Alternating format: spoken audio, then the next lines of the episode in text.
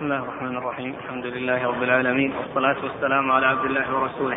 نبينا محمد وعلى آله وصحبه أجمعين. أما بعد. قال الإمام الحافظ أبو عيسى الترمذي رحمه الله تعالى قال في جامعه باب ما جاء كل مسكر حرام. قال حدثنا الأنصاري قال حدثنا معا قال حدثنا مالك بن أنس عن ابن شهاب عن أبي سلمة عن عائشة رضي الله عنها أن النبي صلى الله عليه وعلى آله وسلم سئل عن البتع فقال كل شراب أسكر فهو حرام. قال أبو عيسى هذا حديث حسن صحيح. قال حدثنا عبيد بن أصباط بن محمد القرشي الكوفي وأبو سعيد الأشج. قال حدثنا عبد الله بن إدريس عن محمد بن عمرو عن أبي سلمة عن ابن عمر رضي الله عنهما أنه قال سمعت النبي صلى الله عليه وآله وسلم يقول كل مسكر حرام. قال وفي الباب عن عمر وعلي وابن مسعود وأنس وأبي سعيد وأبي موسى والأشج العصري وديلم وميمونة وابن عباس وقيس بن سعد والنعمان بن بشير ومعاوية ووائل بن حجر وقرة, وقرة المزني وعبد الله بن مغفل وأم سلمة وبريدة وأبي هريرة وعائشة رضي الله عنهم أجمعين. قال أبو عيسى هذا حديث حسن. وقد روي عن أبي سلمة عن أبي هريرة عن النبي صلى الله عليه وآله وسلم نحوه وكلاهما صحيح. رواه غير واحد عن محمد بن عمرو عن أبي سلمة عن أبي هريرة عن النبي صلى الله عليه وآله وسلم نحوه وعن أبي سلمة عن ابن عمر عن النبي صلى الله عليه وآله وسلم. بسم الله الرحمن الرحيم، الحمد لله رب العالمين وصلى الله وسلم وبارك على عبده ورسوله نبينا محمد وعلى آله وأصحابه أجمعين أما بعد فيقول الإمام أبو عيسى الترمذي رحمه الله في جامعه باب فيما جاء كل مسكر حرام. هذا التبويب هو لهذه القاعدة الجامعة الواسعة التي يدخل تحتها كل ما كان من الخمر معروفا في زمنه صلى الله عليه وسلم وكذلك كل ما يأتي في المستقبل مما يسكر ويشمله اسم الخمر سواء كان ذلك مأكولا أو مشروبا سائلا أو جامدا مسحوقا أو أو صلبا مطعوما أو مشموما كل ذلك يدخل تحت هذه القاعدة العامة التي هي من جوامع كلمه صلى الله عليه وسلم. لأن الأمر أنيط بالإسكار. فمتى وجد الإسكار في أي شيء فإنه يكون حراما. وهو حكم منوط بالعلة وهي الإسكار. فإذا وجد الإسكار فإنه حرام. وكذلك يحرم ما كان قليلا مما هو كثيره مسكر كما سيأتي في الباب الذي بعد هذا. وإذا فالحكم مناط بالإسكار وهو يدور مع هذه العلة. فإذا وجد الإسكار في أي شيء فإنه يكون حراما. وإذا لم يوجد الإسكار فإنه يكون حلالا. لكن ما كان قليلا لا يسكر مما كثيره يسكر فإنه حرام لقوله عليه الصلاة والسلام ما أسكر كثيره فقليله حرام. كما سيأتي في الباب الذي بعد هذا. وقد أورد أبو عيسى حديث ابن عمر وحديث أبي هريرة وحديث عائشة رضي الله تعالى عنهم. يعني في هذا وهو أن آه كل مسكر حرام. وفي حديث عائشة أنه سئل عن البتع وهو نوع من الأشربة. فأجاب بالقاعدة العامة. التي تشمل المسؤول عنه وغير المسؤول عنه وأن الحكم منوط بالإسكار فأي نوع من الأنواع إذا شرب أسكر فإنه يكون حراما من أي نوع كان ومن أي آه، شجرة كان لأن الحكم منوط بعلته وهو وهي الإسكار. وجاءت الأحاديث عن جماعة من الصحابة كثيرين ذكر الترمذي رحمه الله عشرين شخصا بعد أن ذكر الذين ذكرهم في آه ذكر حديثهم ذكر أنه جاء عن عشرين شخصا سردهم يعني بعد ذلك وهو يبين أن هذه القاعدة العامة أنها متواترة وأنها جاءت عن رسول الله صلى الله عليه وسلم. نعم. قال حدثنا الأنصاري الأنصاري هو إسحاق بن موسى الأنصاري ثقة أخرجه مسلم والترمذي والنسائي بن ماجه. عن معن. عن معن بن عيسى وهو ثقة أخرجه أصحاب كتب الستة. عن مالك عن مالك بن أنس إمام دار الهجرة أخرجه أصحاب كتب الستة. عن ابن شهاب. بن شهاب محمد بن مسلم بن عبد الله بن شهاب ثقة أخرجه أصحاب كتب الستة. عن أبي سلمة. أبو سلمة بن عبد الرحمن بن عوف وهو أحد فقهاء المدينة السبعة في عصر التابعين على أحد الأقوال الثلاثة في السابع منهم وحديثه أخرجه أصحاب كتب الستة. عن عائشة. عن عائشة أم المؤمنين رضي الله عنها وأرضاها الصديقة بن الصديق وهي ممن أكثر الرواية عن رسول الله صلى الله عليه وسلم.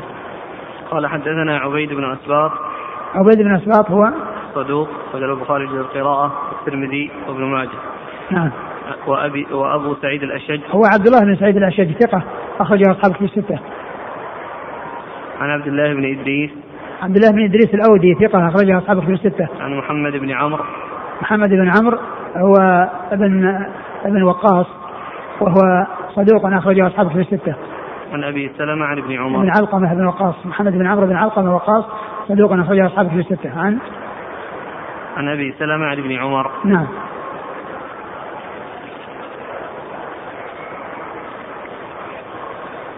قال وفي الباب عن عمر وعلي.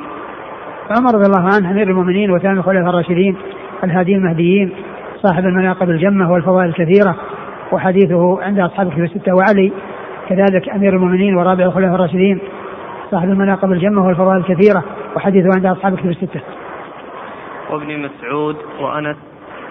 ابن مسعود الهذلي رضي الله عنه عبد الله بن مسعود أخرجه أصحاب الكتب الستة وأنس بن مالك خادم النبي صلى الله عليه وسلم وممن أكثر الرواية عنه صلى الله عليه وسلم.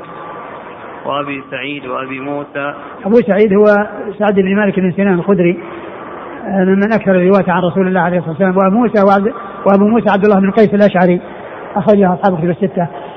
والأشج العصري.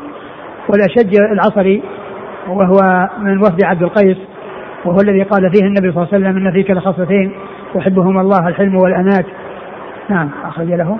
خالد المفرد والنسائي. نعم. وديلم. وديلم هو وأبو داود. أخرج له. أبو داود. نعم. وميمونة. وميمونة بنت الحارث الهلالية أم المؤمنين رضي الله عنها أخرج لها أصحاب الكتب الستة. وابن عباس. وابن عباس رضي الله عنهما أحد العبادلة وأحد السبعة المكثرين من حديث رسول الله صلى الله عليه وسلم. وقيس بن سعد. وقيس بن سعد بن عبادة أخرج أصحاب الكتب الستة. والنعمان بن بشير. والنعمان بن بشير أخرج أصحاب الكتب الستة. ومعاوية. ومعاوية بن أبي سفيان أخرج أصحاب الكتب الستة. ووائل بن حجر. ووائل بن حجر أخرجه البخاري في جزء القراءة ومسلم وأصحاب السنن. وقرة المزني. وقرة المزني أخرج له البخاري البخاري في المفرد وأصحاب السنن. نعم. وعبد الله بن المغفل وعبد الله بن مغفل أخرجه أصحاب الكتب الستة. وأم سلمة. أم سلمة هند بنت أبي أمية أم المؤمنين أخرج لها أصحاب الكتب الستة. وبريدة. وبرده بن الحصيب الأسلمي أخرج له أصحاب الكتب الستة. وأبي هريرة وعائشة. وأبو هريرة وعائشة أبو هريرة أكثر الصحابة حديثا وعائشة رضي الله عنها مر ذكرها فعليه كل حديث متواتر. نعم. يسأل يقول المخدر الذي يستعمل في المستشفيات البنج هل يدخل تحت هذا الحكم؟ لا ما يدخل. ما يدخل لأن هذا يعني تخدير للجسم ويعني وليس يعني إسقاء للخمر نعم.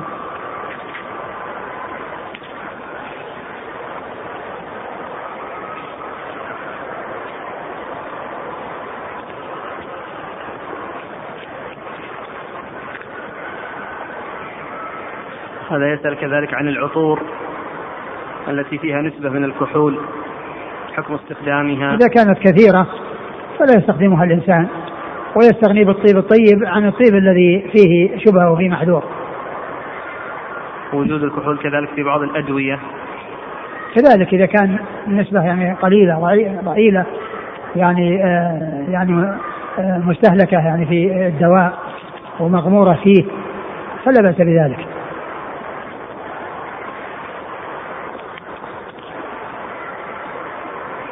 قال رحمه الله تعالى باب ما جاء ما أسكر كثيره فقليله حرام. قال حدثنا قتيبة قال حدثنا إسماعيل بن جعفر قال وحدثنا علي بن حجر قال أخبرنا إسماعيل بن جعفر عن داود بن بكر بن أبي الفرات عن ابن المنكدر عن جابر بن عبد الله رضي الله عنهما أن رسول الله صلى الله عليه وآله وسلم قال ما أسكر كثيره فقليله حرام. قال وفي الباب عن سعد وعائشة وعبد الله بن عمر وعبد الله بن عمرو وابن عمر وخوات بن جبير رضي الله عنهم. قال أبو عيسى هذا حديث حسن غريب من حديث جابر. ثم ورد أبو عيسى هذه ترجمة بابه ما أسكر كثيره فقليله حرام. لما ذكر في الباب الذي قبل هذا الإسكار وأن كل مسكر حرام وكان الذي يشرب من الخمر قد يكون منه الشيء القليل الذي لا يصل آه، إلى أن يسكر, صاحبه والذي يشربه والكثير يعني يحصل من الإسكار. فذكر هذه الترجمة الحديث الذي ورد أن ما أسكر كثيره فإن قليله حرام. وذلك أن استعماله من قبيل الوسائل والذرائع التي توصل إلى المحرم فسد الباب الذي يوصل إليه باستعمال القليل وإن كان لا يسكر لأنه ما دام كثيره يسكر فإن استعماله حرام قليله وكثيره ولا يقال إنه لما اسكر كثيره وأن الحكم منوط بالاسكار فإذا شرب منه قليل لا يحصل معه الاسكار فإنه لا بأس لا في بأس. وهذا من سد الذرائع وأدلة سد الذرائع التي توصل إلى المحرم. وقد أورد ابن القيم رحمه الله في كتاب إعلام الموقعين تسعة وتسعين دليلا من أدلة سد الذرائع تسعة وتسعين دليلا من أدلة سد الذرائع وهذا الحديث مما فيه سد الذرائع وإن كان لا يسكر إلا أنه في ذريعة إلى المسكر ووسيلة إلى المسكر فإنه حرام لا يجوز تعاطيه. لا يجوز تعاطيه. و والخمر معلوم أن كل ما أسكر فإنه خمر سواء كان من العنب أو من أي أنواع من أنواع من الأشجار أو غير الأشجار ما دام أنه يوصل ويؤدي إلى الإسكار وأنه يحصل بالإسكار فإنه يكون حراما. وبعض أهل العلم يقول إن الخمر إنما هي ما يتخذ من العنب. يعني ف يعني فيكون يعني من حيث اللغة.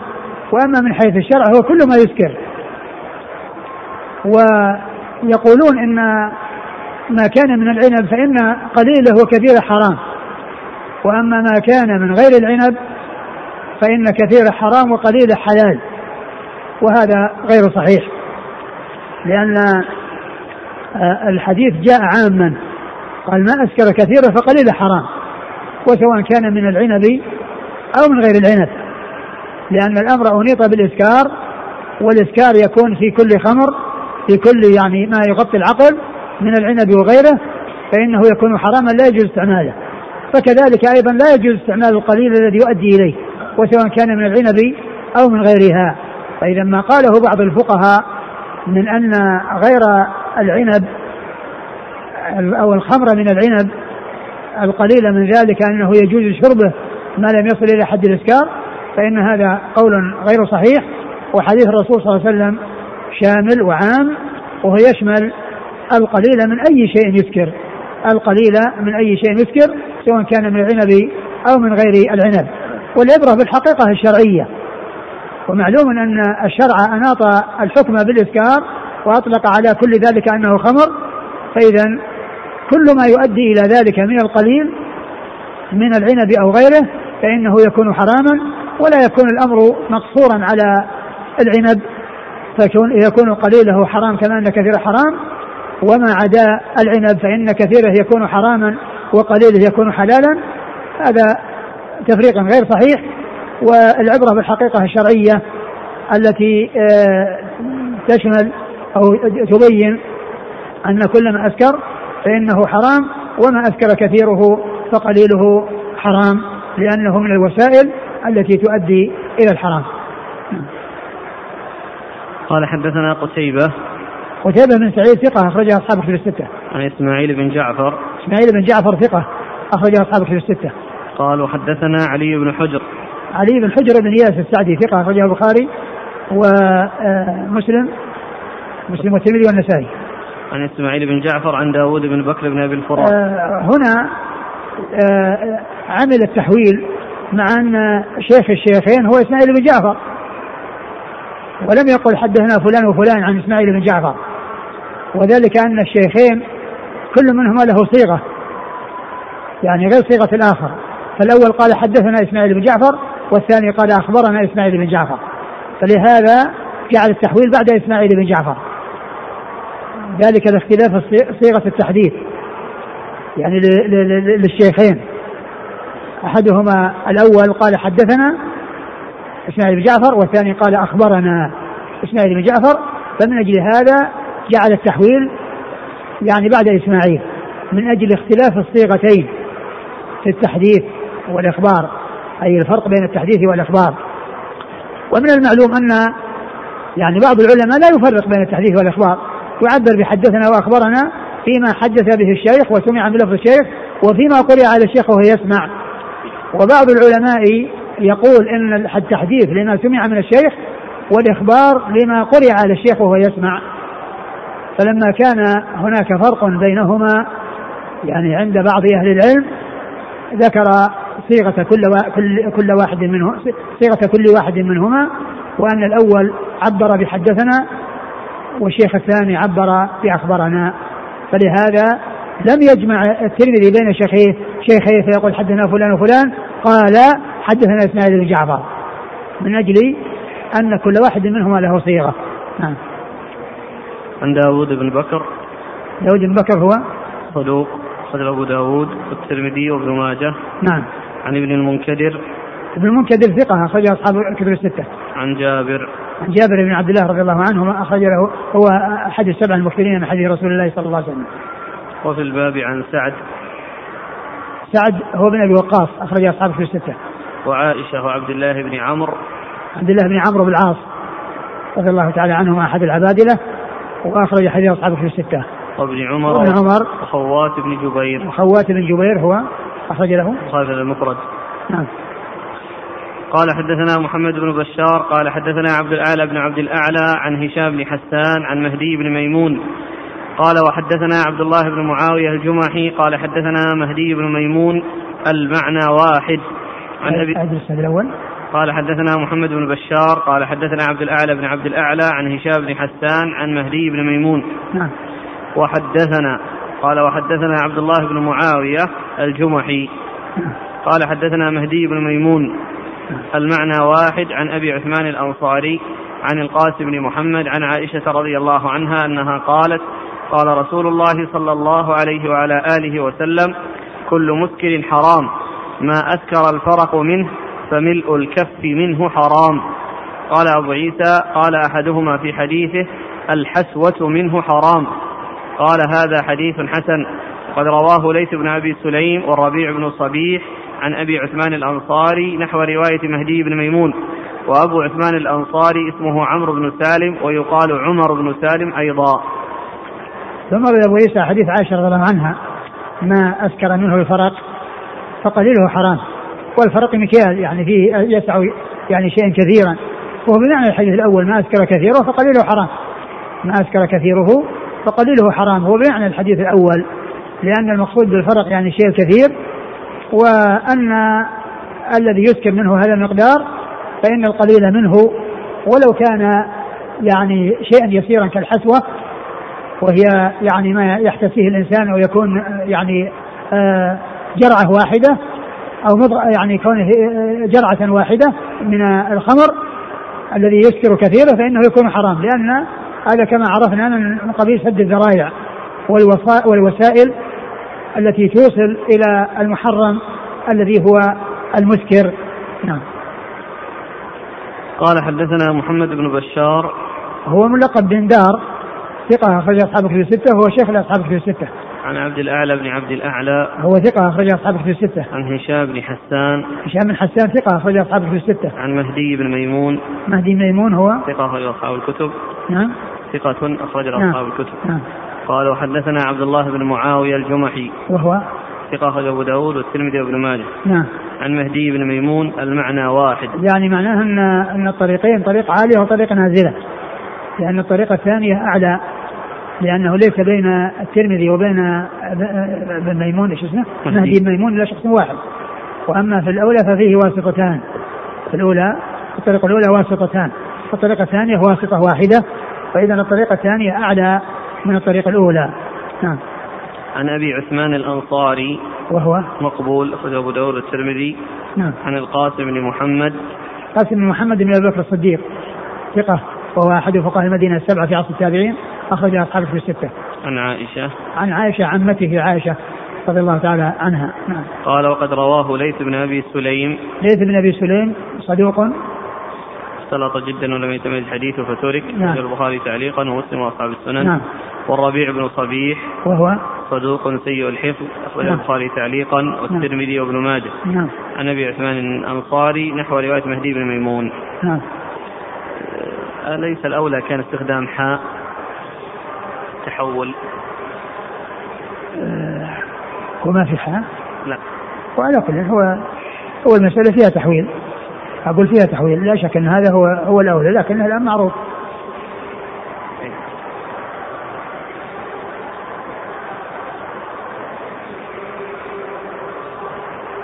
إيه، سقطت من النسخة إذا. موجودة في نعم. نسخة الشيخ مشهور في حاء مشهور موجودة في بعض النسخ؟ نعم. نعم.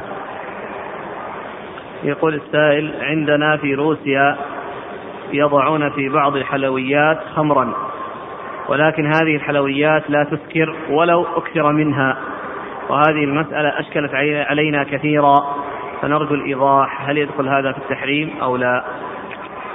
آه يعني آه إذا كان يعني يعني هذا ال ال الشيء الكثير منه لا يسكر فإن ذلك لا يؤثر. أقول ذلك لا يؤثر ما دام أنه يعني لا يسكر فإنه لا يؤثر وإنما المحذور الذي يسكر كثيرة فإن قليله يكون حرام ككثيرة.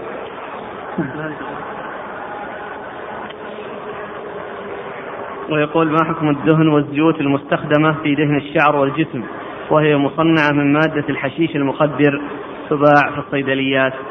إذا كانت أنها من نفس الحشيش المخدر نفسه وأنها يعني معصورة منه ومستخرجة منه فلا يجوز استعمالها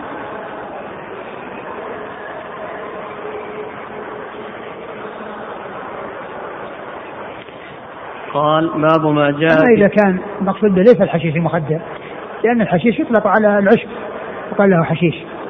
فإن كان المقصود به يعني النباتات يعني وليس المخدر فإنه لا لا محذور فيه.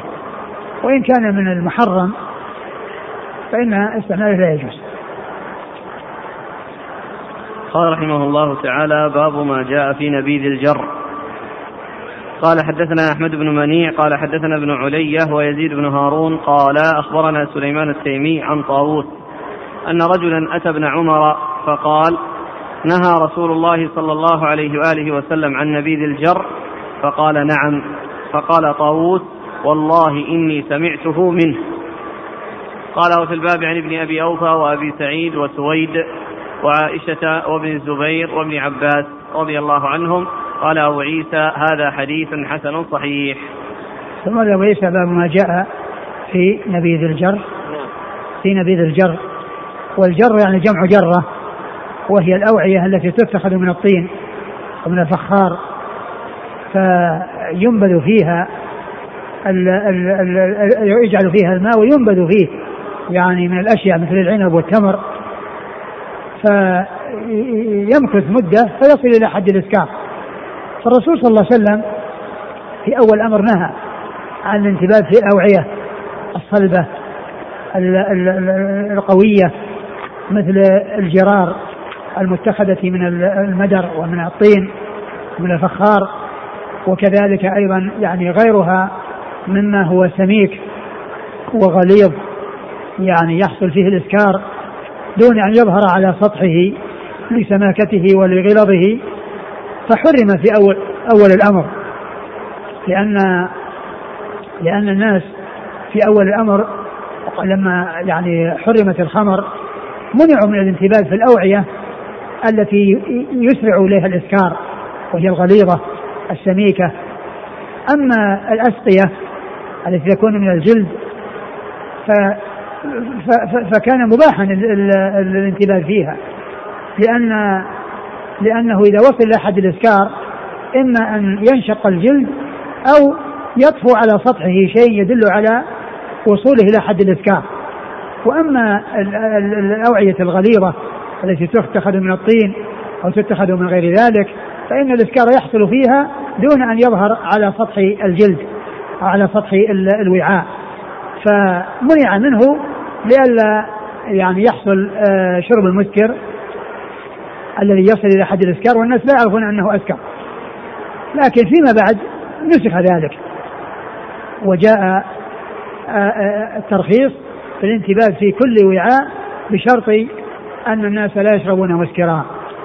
يعني بعد أن يعني تقرر عندهم أمر الخمر وحرمتها فكان في أول الأمر يعني قد يحصل الإسكار وهم لا يعرفون وبعد أن آه، مضى مدة وعرفوا حرمة الخمر وأن ما وصل إلى حد الإسكار لا يجوز شربه وما لم يصل إلى حد الإسكار فإنه يجوز شربه. أبيح ذلك كما جاء في حديث بريدة بن الحصيب الذي فيه الناسخ والمنسوخ. وقد آه، وسيأتي عند المصنف. نعم. إذا الجر متخذ؟ نعم متخذ من, من الطين. فخار الفخار يعني الفخار هو من الطين لأنه بسمع ما عليه في النار. قال حدثنا أحمد بن منيع عن ابن علية. أحمد بن منيع ثقة أخرج أصحابه في الستة وابن علية هو إسماعيل بن علية إسماعيل بن إبراهيم بن مقسم ثقة أخرج أصحابه في الستة. ويزيد بن هارون. يزيد بن هارون الواسطي ثقة أخرج أصحابه في الستة. عن سليمان التيمي. سليمان بن طرخان التيمي ثقة أخرج أصحابه في الستة. عن طاووس طاووس بن كيسان أخرج أصحابه في الستة. عن ابن عمر. عن ابن عمر رضي الله عنهما. والحديث في أوله نهى وهو يعني على اعتبار أن فيه همزة في السلام محذوفة. وقد جاءت في بعض الروايات عند النسائي أنهى أنهى الرسول صلى الله عليه وسلم فقال نعم. يعني معناها أن يعني أن نهى فيه استفهام ولكن حذفت منها الهمزة وكلمة نعم هو جواب جواب عن الاستفهام. أنهى الرسول صلى الله عليه وسلم عن الجر قال نعم. ثم يقسم آه طاووس على يعني على أنه سمع ذلك نعم. قال وفي الباب عن ابن أبي أوفى. ابن أبي أوفى ابن أبي أوفى عبد الله بن أبي أوفى أخرج أصحابه في الستة. وأبي سعيد وسويد. سويد بن مقرن أخرج له. المفرد ومسلم وأبو داود والترمذي والنسائي. نعم. وعائشة وابن الزبير. ابن الزبير عبد الله بن الزبير. وهو أحد العباد الأربعة من الصحابة وأخرج حديثه أصحاب في الستة. وابن عباس. نعم. قال رحمه الله تعالى باب ما جاء ابن عباس في حديث وهو عبد القيس المعروف المشهور الذي يعني أنهم لما قدموا وكانوا يعني آه سألوه يعني فأخبرهم يعني عن آه، أنواع من الأوعية الذي مر والذي سيأتي يعني مشتملة على حديث وهو عبد القيس نعم. قال رحمه الله تعالى باب ما جاء في كراهية أن ينبذ في الدباء والحنتم والنقير. قال حدثنا أبو موسى محمد بن المثنى قال حدثنا أبو داود الطيالسي. قال حدثنا شعبة عن عمرو بن مرة قال سمعت زاذان يقول سألت ابن عمر رضي الله عنهما عما نهى عنه رسول الله صلى الله عليه وآله وسلم من الأوعية. أخبرناه بلغتكم وفسره لنا بلغتنا. فقال نهى رسول الله صلى الله عليه وآله وسلم عن الحنتمة وهي الجرة ونهى عن الدباء وهي القرعة ونهى عن النقير وهو أصل النخل ينقر نقرا أو ينسح نسحا ونهى عن المزفة وهو المقير وأمر أن ينبذ في الأسقية. قال وفي الباب عن عمر وعلي وابن عباس وابي سعيد وابي هريرة وعبد الرحمن بن يعمر وسمرة وأنس وعائشة وعمران بن حصين وعائد بن عمرو والحكم الغفاري وميمونة رضي الله عنهم أجمعين. قال أبو عيسى هذا حديث حسن صحيح. ثم ورد أبو عيسى يعني هذا الحديث عن باب كراهية نعم باب كراهية الانتباد في الحنتم والنقير والدباء. والدباء. الدبة هو القرع. وهو الذي يعني يخرجون لبه ويبقى القشرة الخارجية ثم يجعلونه ييبس فيكون وعاء يتخذونه للبن وللانتباد فيكون يعني صلب يعني لأنهم استخرجوا لبه وبقي القشر فيبسوه فصار وعاء.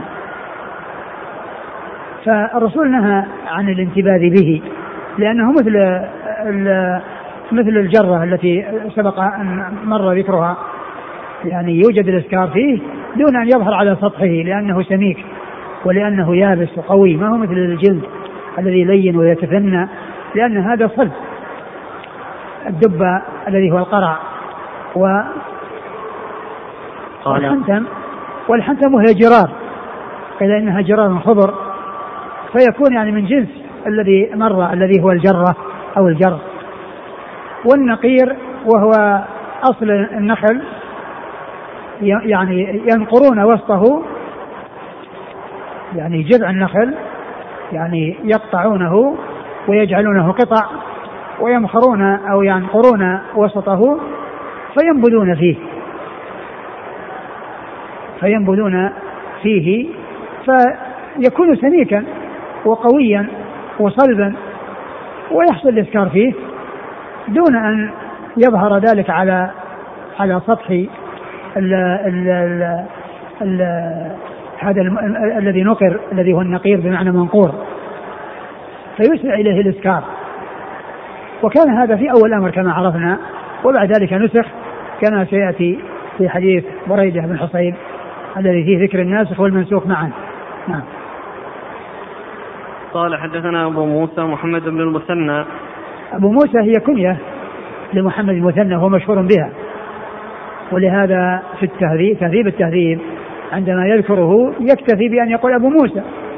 روى عن فلان وفلان وعنه أبو موسى وروى عن, عن وإذا كان روى عن أبي موسى وهو مشهور بكليته وهو ثقة أخرجه أصحاب كتب الستة وهو شيخ لأصحاب كتب الستة. عن أبي داود الطيالسي أبو داود الطيالسي سليمان بن داود ثقة أخرجه البخاري تعليقا ومسلم وأصحاب السنن. عن شعبة شعبة بن الحجاج الواسطي ثم البصري وهو ثقة أخرجه أصحاب كتب الستة. عن عمرو بن مرة عمرو بن مرة ثقة أخرجه أصحاب كتب الستة. عن زادان زادان هو الكندي وهو آه، آه، زادان صدوق أخرج له البخاري في المفرد ومسلم وأصحاب السنة. نعم ونعم. عن ابن عمر عن ابن عمر رضي الله عنه قد سأل زادان بن عمر فقال أخبرنا عن الأوعية التي آه يعني آه أخبرنا عن الأوعية؟ التي نهى عنها النبي صلى الله عليه وسلم. نعم. وأخبرنا بلغة يعني أخبرنا إيش؟ بلغتكم أخبرناه بلغتكم وفسره لنا بلغتنا. أخبرناه بلغتكم وفسره لنا بلغتنا. لأنه يعني كما هو معلوم يعني هناك لهجات. يعني بعض العرب يعني آه آه ما ما يفهم يعني ما عند الآخرين. ولهذا القرآن نزل على سبعة أحرف في أول الأمر. لأن العرب كانوا متشتتين متنابذين وكل منطوي على لغته ولا يعرف لغة الآخر. فنزل القرآن على سبعة أحرف تسهيلا وتيسيرا للناس. وبعد ذلك عثمان رضي الله عنه جمع الناس على حرف واحد وترك بقية الأحرف.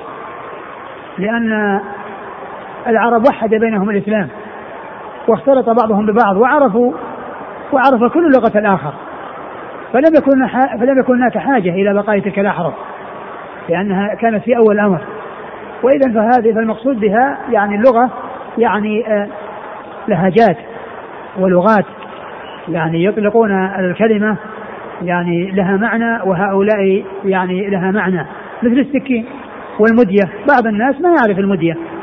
بعض العرب يعرف السكين ولا يعرف المدية وبعضهم يعرف المدية ولا يعرف السكين. وهي كلها من لغة العرب وهي لغة هذه من لغة العرب وهذه من لغة العرب. إلا أن هذه يعرفها بعض العرب وهذه لا يعرفها بعضهم. فإذا أخبرنا يعني بلغتكم وفسر لنا بلغتنا يعني بالشيء الذي نفهمه. وهذا مثل ما هو موجود الآن في هذا الزمان. تجد بعض بعض الجهات يعني ما تفهم كلامه. يتحدث ويتكلم معك وأنت لا تستطيع. تحتاج إلى واحد من من من جنسه يعني يفسر لك كلامه ويوضح يوضح لك كلامه. هذا شيء موجود مشاهد الآن. يعني تجد يتكلم معك ما تدري شو تحتاج إلى من يوضح له ذلك. فهذا من هذا القبيل. لأنهم كان عندهم يعني لهجات وعندهم لغات ويعني أراد وهذا من كنده. هذا اللي هو زادان.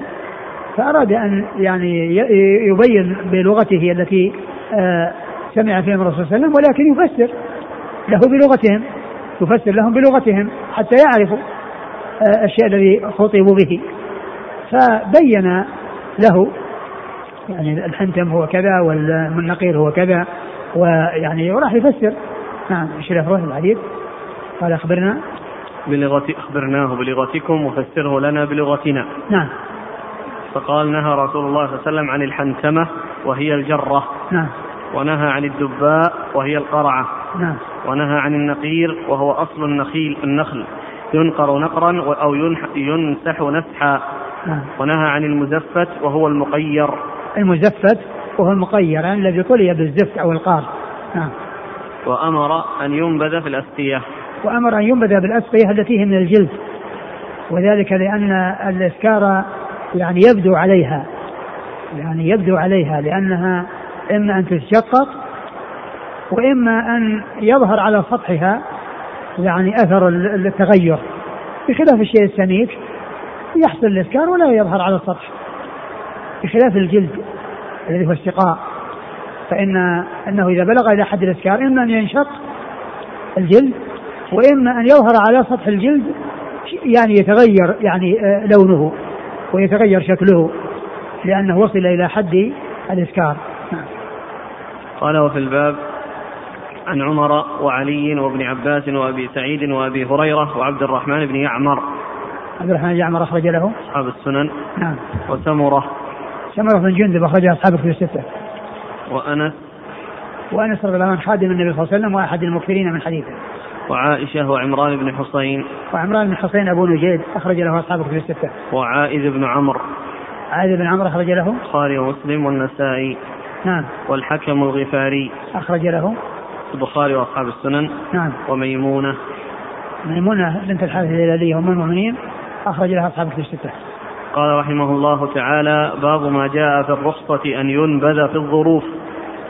قال حدثنا محمد بن بشار والحسن بن علي ومحمود بن غيلان قالوا حدثنا أبو عاصم قال حدثنا سفيان عن علقمة بن مرتد عن سليمان بن بريدة عن أبيه رضي الله عنه أنه قال قال رسول الله صلى الله عليه وآله وسلم إني كنت نهيتكم عن الظروف وإن ظرفا لا يحل لا يحل شيئا ولا يحرمه وكل مسكر حرام قال أبو عيسى هذا حديث حسن صحيح قال حدثنا محمود بن غيلان قال حدثنا أبو داود الحفري عن سفيان عن منصور عن سال بن أبي الجعد عن جابر بن عبد الله رضي الله عنهما أنه قال نهى رسول الله صلى الله عليه وآله وسلم عن الظروف فشكت إليه الأنصار فقالوا ليس لنا وعاء قال فلا إذن.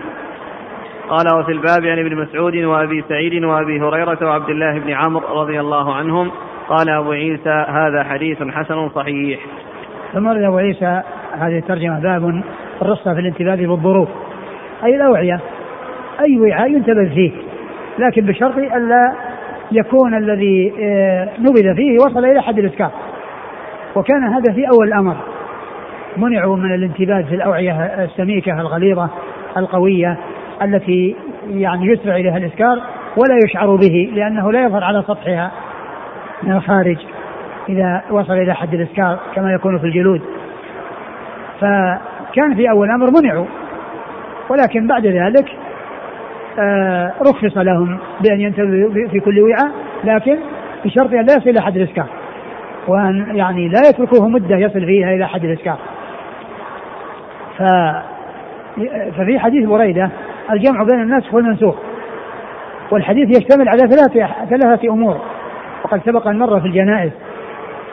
فيها الناسخ والمنسوخ كنت نهيتكم عن زيارة القبور فزوروها وكنت نهيتكم عن ادخار لحوم الأضاحي فوق الثلاث آلاف ادخروا وكنت نهيتكم عن الانتباه في أوعية فانتبذوا في كل وعاء ولا تشربوا مسكرا فهي فهو حديث آه، جاء في صحيح مسلم وفي غيره عن بريدة بن حصيب وهو مشتمل على النسخ والمنسوخ في الأمور الثلاثة التي هي زيارة القبور والتي هي اتخاذ لحوم الأضاحي والتي هي الانتباه في الأوعية. وأنهم وأنه كان في أول أمر نهاهم أن ينتبهوا في في أوعية معينة فبعد ذلك نسخ وأمرهم بأن ينتبهوا في كل وعاء ولكن لا يشربوا مسكرا. وبعد ذلك أورد حديث جابر الذي نهاهم عن يعني انتباه في الظروف فقالوا ليس لنا أوعية. فقال فلا إذا يعني لا بأس. يعني انتبهوا. نعم. قال حدثنا محمد بن بشار والحسن بن علي. الحسن بن علي الحلواني الخلال ثقة أخرج أصحاب الكتب الستة إلا النسائي. ومحمود بن غيلان. محمود بن غيلان ثقة أخرج أصحاب الكتب الستة إلا أبا داود. عن أبي عاصم. أبو عاصم هو الضحاك بن مخلد النبيل وهو ثقة أخرج أصحاب الكتب الستة. عن سفيان. سفيان هو الثوري. سفيان بن سعيد المسروق الثوري ثقة فقيه أخرجها أصحاب الكتب الستة. عن علقمة بن مرثد. وهو ثقة أخرجها أصحاب الكتب الستة. عن سليمان بن بريدة. وهو ثقة أخرجه مسلم وأصحاب السنن. عن أبيه عن أبيه بريدة بن الحصيب الأسلمي رضي الله عنه أخرج له أصحاب الكتب الستة. قال حدثنا محمود بن غيلان عن أبي داود الحفري. أبو داود الحفري هو عمرو بن سعد وهو؟ ثقة أخرج له مسلم وأصحاب السنن. نعم. عن سفيان عن منصور. منصور آه، بن معتمر ثقة أخرجه أصحاب الكتب الستة. عن سالم بن أبي الجعد. وهو ثقة أخرج له؟ أصحاب الكتب. نعم. عن جابر. نعم. يقول السائل هل يقال أن نهيه صلى الله عليه وسلم عن الانتباذ في الظروف كان اجتهادا لأنه قال بعد لا يحل شيئا ولا يحرمه فكأنه في البداية جعله من سد الذرائع. هو لا شك هو من سد الذرائع. هو من سد الذرائع لأنه يعني يعني قد يصل الإسكار ولكن بعد ذلك استقر الأمر عندهم وكانوا أول حديث عهد بالإسلام و أو حديث عهد بتحريم الخمر حديث عهد بتحريم الخمر ف يعني أبعدوا عن أي شيء قد يصل إلى حد الإسكار وهم لا يشعرون. وبعد ذلك بعد ما يعني آه، آه، مضى وقت ويعني آه، عرفوا الذي يسكر والذي يسكر ومتى يسكر ومتى لا يسكر عند ذلك زال هذا الشيء الذي منعوا من أجله. وقال إنه لا يحل ولا يحرم اللي هو الظرف ولكن المقصود هو ما فيه. لكن الظرف له تأثير لا شك لأن من الظروف ما يسرع إليه الإسكار ولا يشعر به ومنها ما ما لا يسرع إليه الإسكار وإذا حصل الإسكار فإنه يشعر به لتغير سطحه كما يكون بالنسبة للانبذه الاسقيه إن كان باجتهاد أو بوحي. هو يعني آه، آه، هو الرسول صلى الله عليه وسلم يعني إذا اجتهد لا يقر يعني إلا على حق. ويمكن أن يكون أنه يعني حصل يعني في أول أمر من أجل سد الذرائع وأنه أوحي إليه وبعد ذلك نسخ قال رحمه الله تعالى باب ما جاء في الانتباه في السقاء. قال حدثنا محمد بن المثنى قال حدثنا عبد الوهاب الثقفي عن يونس بن عبيد عن الحسن البصري عن أمه عن عائشة رضي الله عنها أنها قالت كنا ننبذ لرسول الله صلى الله عليه وآله وسلم في سقاء يوكأ في أعلاه له عزلاء. ننبذه غدوة ويشربه عشاء. وننبذه عشاء ويشربه غدوة. قال وفي الباب عن جابر وأبي سعيد وابن عباس رضي الله عنهم قال أبو عيسى هذا حديث غريب. لا نعرفه من حديث يونس بن عبيد إلا من هذا الوجه. وقد روي هذا الحديث من غير هذا الوجه عن عائشة أيضا. ثم أبو عيسى باب الانتباه في السقاء.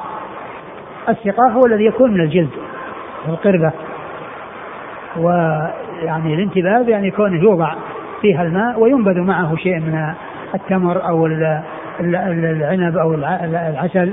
ما أجل يعني يكون حلوا. فهذا قال له نبيذ ولكن النبيذ ينقسم إلى قسمين. نبيذ لا يصل إلى حد الإسكار فهو حلال ونبيذ يصل إلى حد الإسكار فيكون حراما. ونبيذ يصل إلى حد الإسكار فإنه يكون حراما. فأورد أبو عيسى حديث عائشة أنهم كان لهم سقاء ينبذون للنبي صلى الله عليه وسلم فيه غدوة فيشربه عشاء.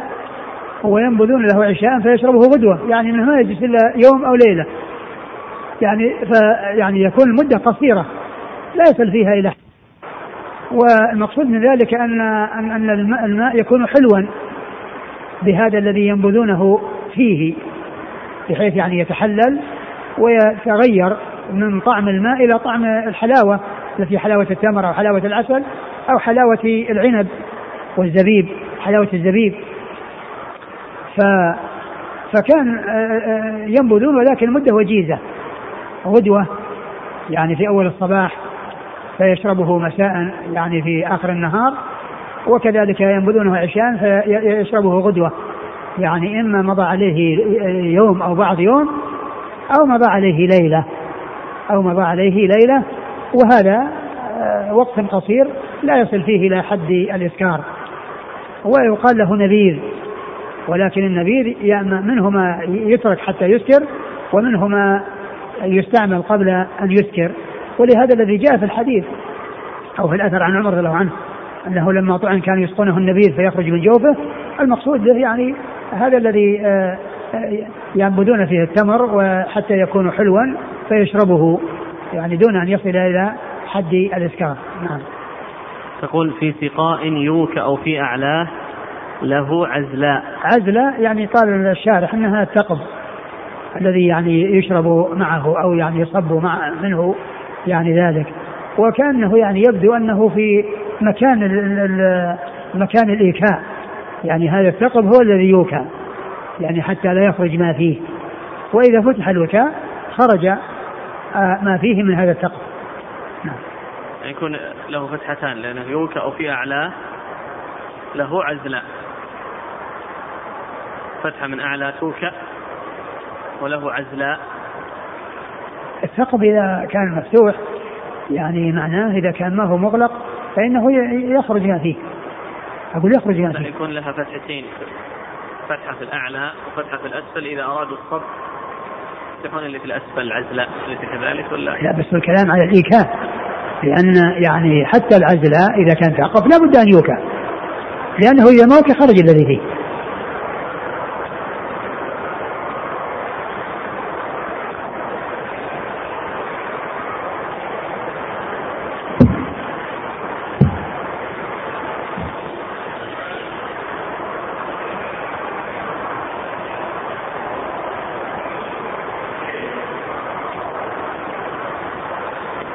قال حدثنا محمد بن المثنى عن عبد الوهاب الثقفي عبد الوهاب بن عبد المجيد الثقفي ثقة أخرجه أصحاب كتب الستة. عن يونس بن عبيد وهو ثقة أخرجه أصحاب كتب الستة. عن الحسن البصري وهو الحسن بن أبي الحسن ثقة أخرجها أصحاب كتب الستة. عن أمه أمه خيرة أخرجها أصحاب كتب الستة إلا البخاري. نعم. عن عائشة. نعم.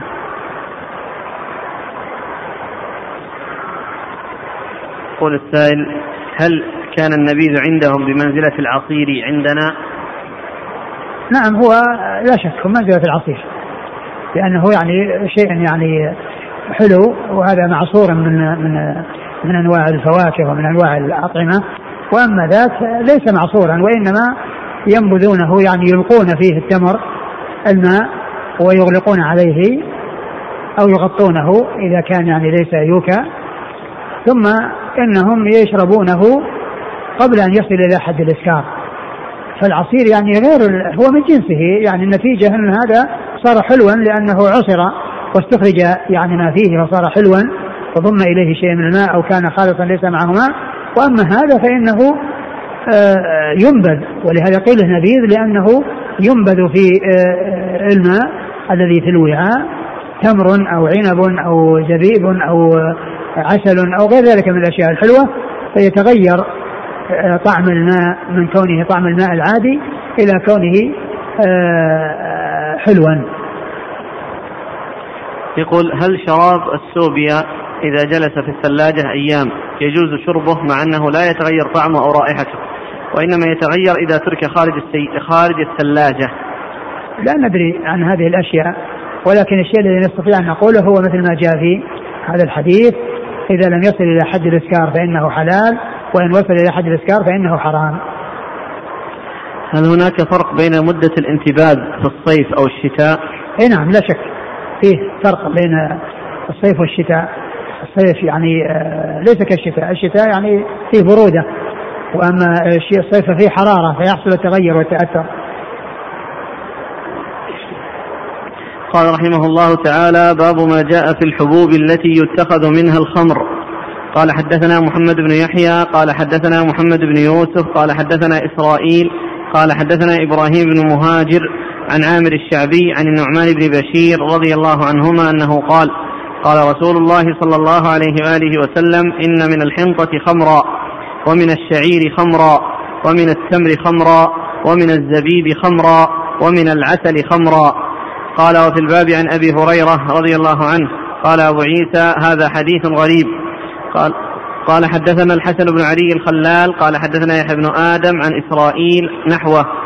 وروى أبو حيان التيمي هذا الحديث عن الشعبي عن ابن عمر عن عمر رضي الله عنهما قال إن من الحنطة خمرا فذكر هذا الحديث. قال حدثنا بذلك أحمد بن منيع قال حدثنا عبد الله بن إدريس عن أبي حيان التيمي عن الشعبي. عن ابن عمر عن عمر رضي الله عنهما إن من الحنطة خمرا بهذا. وهذا أصح من حديث إبراهيم بن مهاجر. وقال علي بن المديني قال يحيى بن سعيد لم يكن إبراهيم بن مهاجر بالقوي الحديث. وقد روي من غير وجه أيضا عن الشعبي عن النعمان بن بشير. قال حدثنا أحمد بن محمد قال أخبرنا عبد الله بن المبارك قال حدثنا الأوزاعي وعكرمة بن عمار قال حدثنا أبو كثير السحيمي قال سمعت أبا هريرة رضي الله عنه يقول قال رسول الله صلى الله عليه وآله وسلم الخمر من هاتين الشجرتين النخلة والعنبة. قال أبو عيسى هذا حديث حسن صحيح وأبو كثير السحيمي هو الغبري واسمه يزيد بن عبد الرحمن بن غفيلة وروى شعبة عن عكرمة بن عمار هذا الحديث. ثم يا عيسى باب في الحبوب التي يتخذ منها. الحبوب التي يتخذ منها الخمر. الحبوب نعم التي يتخذ منها الخمر.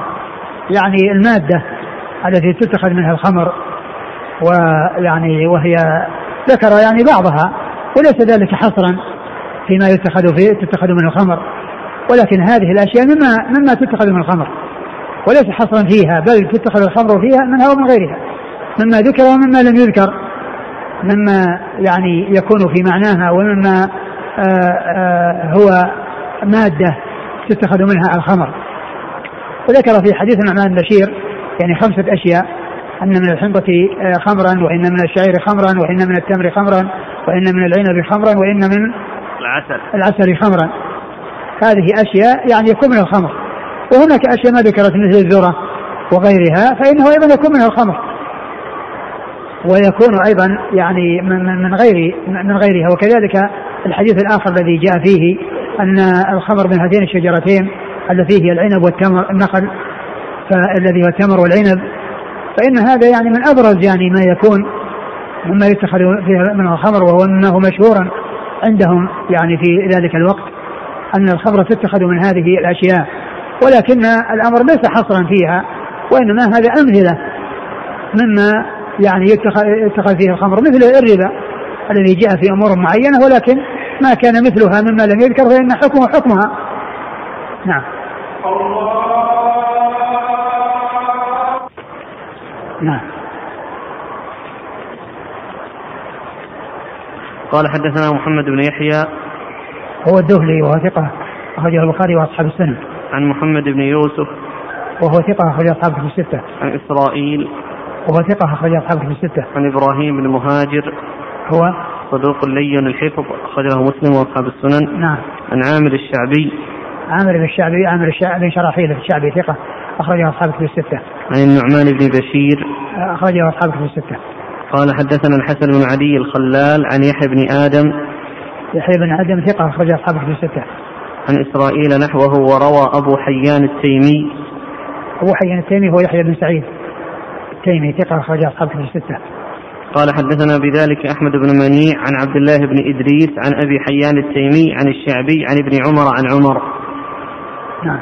قال حدثنا أحمد بن محمد أحمد بن محمد هو مردوية وهو ثقة أخرج البخاري والترمذي والنسائي. نعم. عن عبد الله بن المبارك المروزي ثقة أخرج أصحابه في الستة. عن الأوزاعي عبد الرحمن بن عمرو الأوزاعي ثقة أخرج أصحابه في الستة. وعكرمة بن عمار هو صدوق يغلط أخرج البخاري تعليقا ومسلم وأصحاب السنن. نعم. عن أبي كثير السحيمي وهو ثقة أخرج البخاري في المفرد ومسلم وأصحاب السنن. نعم. عن أبي هريرة. نعم.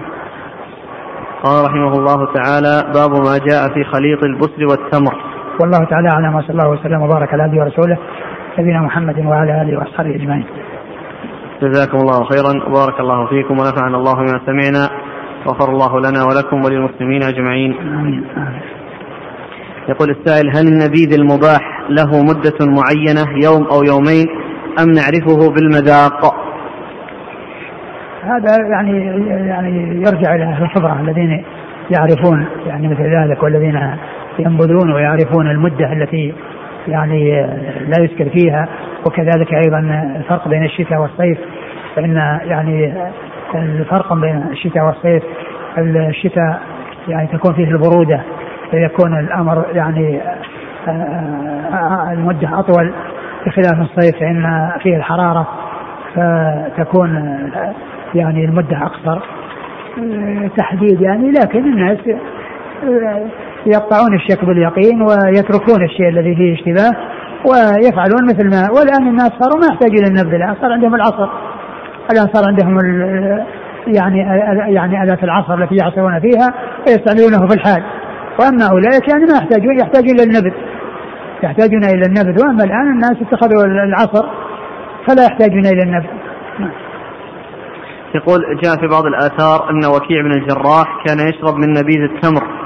الذي يسكر كثيرا فهل يدل هذا على أن المسألة ليست مجمع عليها؟ نعم ليست مجمع عليها. فقهاء الكوفة فقهاء الكوفة يعني معروف عنهم يعني هذا الشيء أن ما كان من غير العنب ف قليله الذي لا يسكر يعني يرون جوازه. فهي ليس مجمعا عليه الذي هو القليل من غير العنب. نعم. مسألة آه، ما ذكر أن الحلوى يخلق فيها شيء من المسكر. الأخوة عندهم أشياء ودهم يظهر لهم الأمر. يقول آه، وضع قليل من المسكر في الحلوى لعله يستفاد منه يستفيد منه الباعة في التسبب في إدمان الناس من تناولها فإذا أكثر الناس منها أدمنوا عليها. فهذا لا هذا مو صحيح. ما دام يعني ليس فيه إسكار. يعني ليس فيه إسكار. هذا مثل الأدوية التي فيها شيء يصير من الكحول. هذا يقول معلوم أن الحلوى لو أكل منها الكثير لم تسكر لكن الجزء الذي وضع في الحلوى من الخمر فهو لو أخذ من هذا الجزء الشيء الكثير يسكر على كل هو الآن يعني مثل ما هو معلوم الآن لو لو كان يعني ماء يعني كثير وضع يعني فيه يعني أو سقط فيه يعني قطرة من الخمر أو يعني شيء يصير الخمر لا يؤثر لأنه يعني آه، تحلل ولم يكن خمرا مثل اللبن لو وضع يعني مع الماء. قليل من اللبن وضع مع الماء واختلط يعني به. لا يقال إن الإنسان لو شربه يعني ينشر الحرمة. أقول ينشر الحرمة يعني لأنه ما شرب لبن شرب شرب ماء. وهذا يقول فهمت من جوابكم عن عن السائل عن مخالطة الكحول لبعض الأدوية كالتي تشرب لأجل الكحة وغيرها أن ذلك جائز إذا كان بنسب ضئيلة. وسؤالي يا فضيلة الشيخ كيف يجوز ذلك؟ والحكم منوط بالإسكار. وقد وجد من يستعمل هذه المشروبات في السكر. ثم أيضا هذا معارض لقوله صلى الله عليه وسلم لم يجعل الله شفاءكم فيما حرم عليكم. وخاصة أن كثير من هذه الأدوية يدخل فيها الكحول الذي هو الذي هو أم الخمر فتستعمل فيه دون ضرورة مع وجود البدائل الأخرى النافعة المجربة. فمثلا يقول هناك زيت السمسم للكحة فهو مجرب. على كل يعني الشيء الذي يعني لا أشكال فيه لا شك أنه أولى. ولكن الشيء الذي هو يسير يعني مغمور وليس يعني مؤثرا فإن ذلك لا بأس به لا مانع منه.